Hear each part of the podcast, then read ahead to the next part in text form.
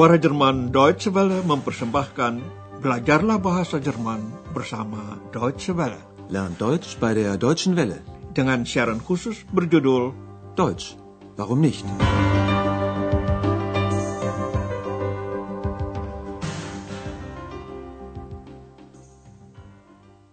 Saudara pendengar, hari ini kita sampai pada pelajaran ke-22 dari seri 4. Kami sajikan sebuah reportase mengenai negara bagian Thüringen, sebuah negara kecil dengan masa lalu yang gemilang kalau dilihat dari segi sejarah kebudayaan. Thüringen termasuk di antara kelima negara bagian di sebelah timur Jerman yang baru sejak tahun 1990 menjadi bagian dari Republik Federal Jerman. Di Thüringen banyak terdapat hutan dan ngarai, maka negara ini juga disebut pusat yang hijau. Das Grüne Herz dari Jerman. Pelajaran ini berjudul Thüringen, Pusat yang Hijau. Thüringen, das Grüne Herz. Pada persinggahan pertama dalam perjalanannya, Andreas berada di bagian selatan, di daerah hutan yang bernama Thüringer Wald. Di daerah ini terdapat jalan lintas alam, Wanderweg yang paling panjang di Eropa. Namanya Rennsteig. Pada abad pertengahan, jalan ini dipergunakan oleh kurir-kurir yang mengantarkan berita.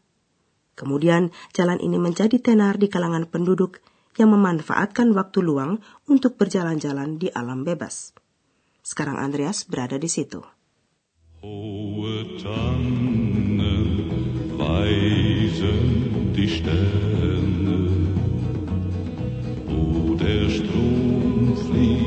Still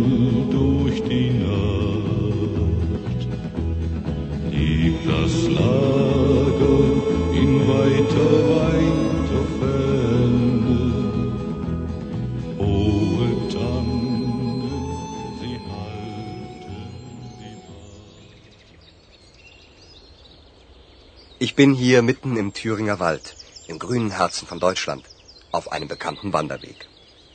168 Kilometer ist er lang. Hier wandern sehr viele Menschen. Und wenn Sie Hunger haben, können Sie sich an einer Bude eine echte Thüringer Bratwurst kaufen. Andreas sedang berada pada jalan lintas alam yang membelah hutan di daerah Thüringer Wald, kawasan hijau di tengah Jerman. Ich bin hier mitten im Thüringer Wald, im grünen Herzen von Deutschland, auf einem bekannten Wanderweg. Banyak orang yang mempergunakan jalan ini.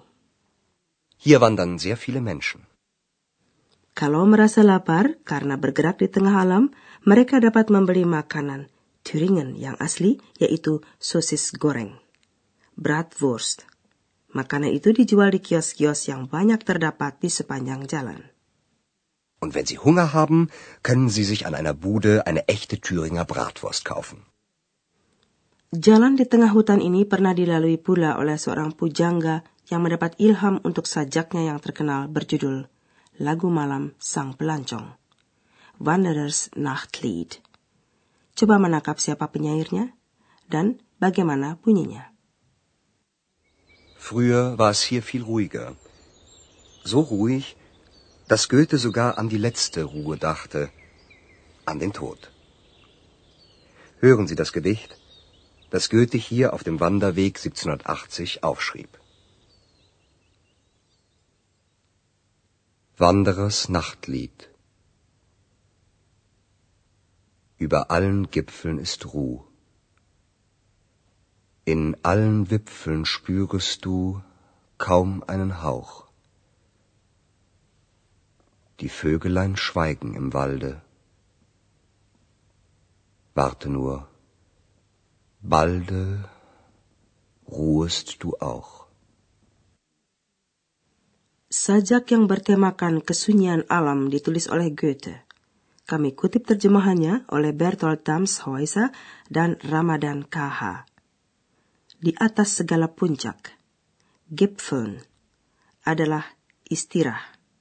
Dalam segala pucuk, Wipfeln tak kau rasakan. Hampir satu silir pun. Hauch. Über allen Gipfeln ist Ruh. In allen Wipfeln spürest du kaum einen Hauch. Goethe mengingatkan si pelancong, segera engkau pun akan istirahat. Ruhen. Warte nur. Balde ruhest du auch. Keadaan sunyi itu ditafsirkan oleh Andreas. Begitu sunyinya sampai Goethe teringat akan istirahat terakhir. Kematian. Früher war es hier viel ruhiger. So ruhig, dass Goethe sogar an die letzte Ruhe dachte. An den Tod.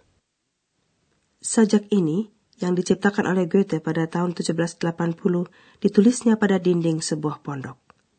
Masih dapat dibaca di tempat itu sampai sekarang. Hören Sie das Gedicht, das Goethe hier auf dem Wanderweg 1780 aufschrieb. Tidak hanya pada zaman sekarang Thüringen adalah negara kecil. Sejarahnya menunjukkan bahwa Thüringen dahulu senantiasa terpecah-pecah, zersplittert, Hal ini berarti bahwa daerah yang sekarang tercakup dalam negara bagian Thüringen di masa lampau terdiri dari sejumlah besar negara yang sangat kecil. Akan tetapi, para raja yang berkuasa, Landesfürsten, pandai menggunakan keadaan terpecah belah itu untuk menciptakan sesuatu yang bermanfaat. Dengarkan ceritanya.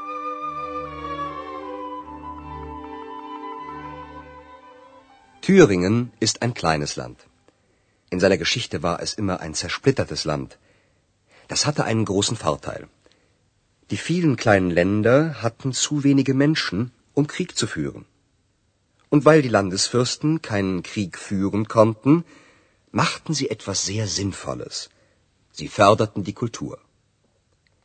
Sie sammelten Bilder und Bücher, holten Musiker ins Land, bauten Theater.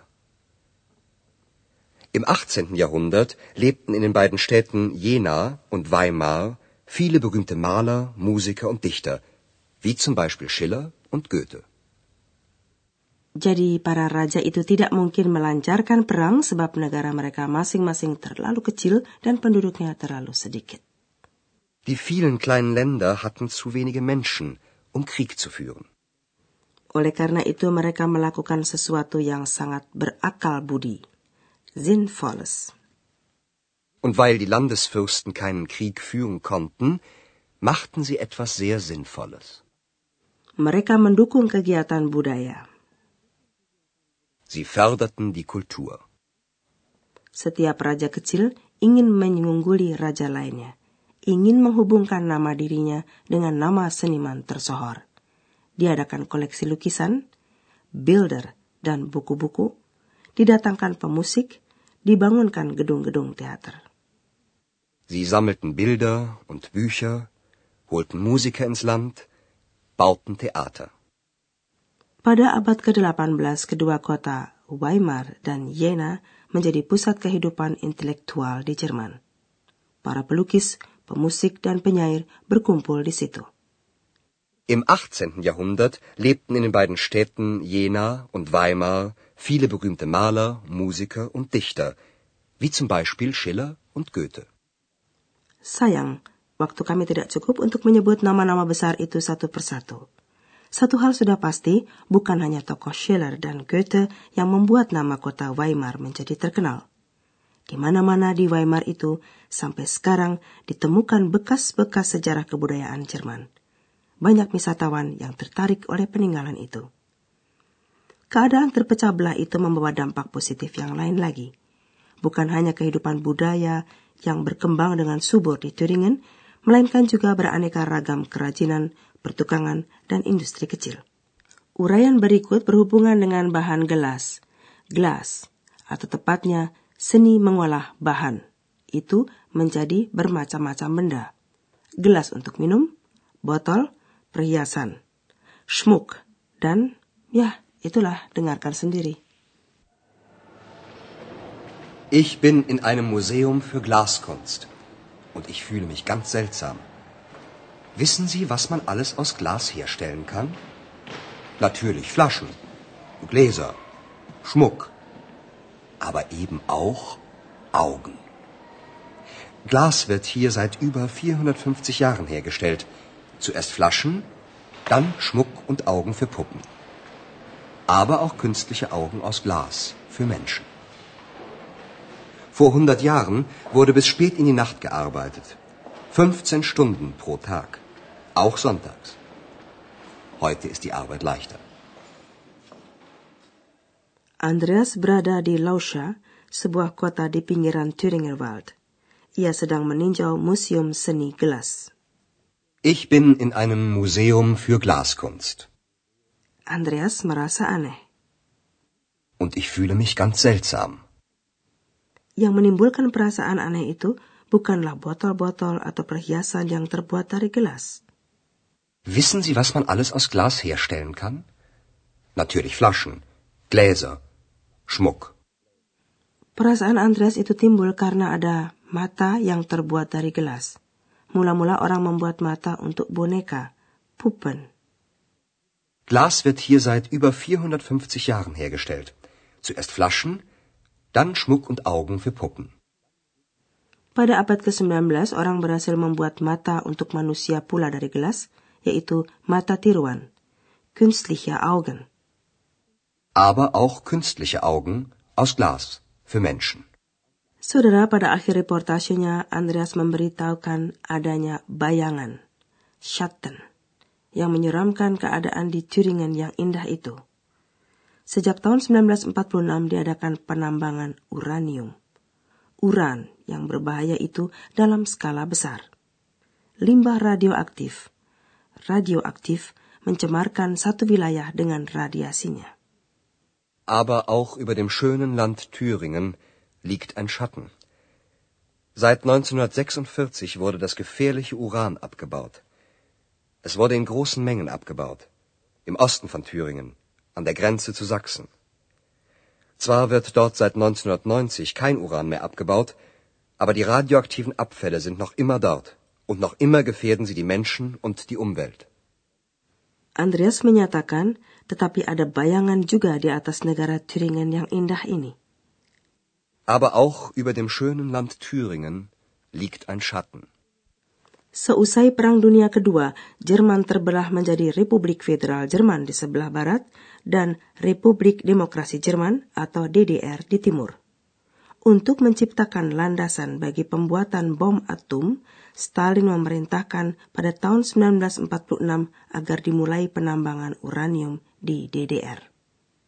Seit 1946 wurde das gefährliche Uran abgebaut. Di bagian timur Thüringen yang berbatasan dengan Sachsen, didirikan pesero milik Uni Soviet bernama Wismut AG. Uranium ditambang dalam jumlah besar, große Mengen. Es wurde in großen Mengen abgebaut, im Osten von Thüringen, an der Grenze zu Sachsen. Sejak tahun 1990, produksi dihentikan, tidak ditambangkan uranium lagi. Zwar wird dort seit 1990 kein Uran mehr abgebaut, Akan tetapi, dampak penambangan uranium di masa lalu masih tetap terasa, yaitu limbah radioaktif. Die radioaktiven Abfälle. zwar wird dort seit 1990 kein Uran mehr abgebaut, aber die radioaktiven Abfälle sind noch immer dort. Sedikit demi sedikit terungkaplah kerusakan yang ditimbulkan bagi manusia dan lingkungan. Diperkirakan limbah radioaktif tersebut berjumlah 500 juta ton. Bahan beracun sebanyak ini masih tetap membahayakan kehidupan manusia dan kelestarian lingkungan. Und noch immer gefährden sie die Menschen und die Umwelt. Saudara pendengar, kiranya cukuplah dulu untuk kali ini. Sampai jumpa. Auf Wiederhören. Dari rangkaian Learn Deutsch bei der Deutschen Welle, telah Anda ikuti pelajaran dari kursus bahasa Jerman, Deutsch, warum nicht?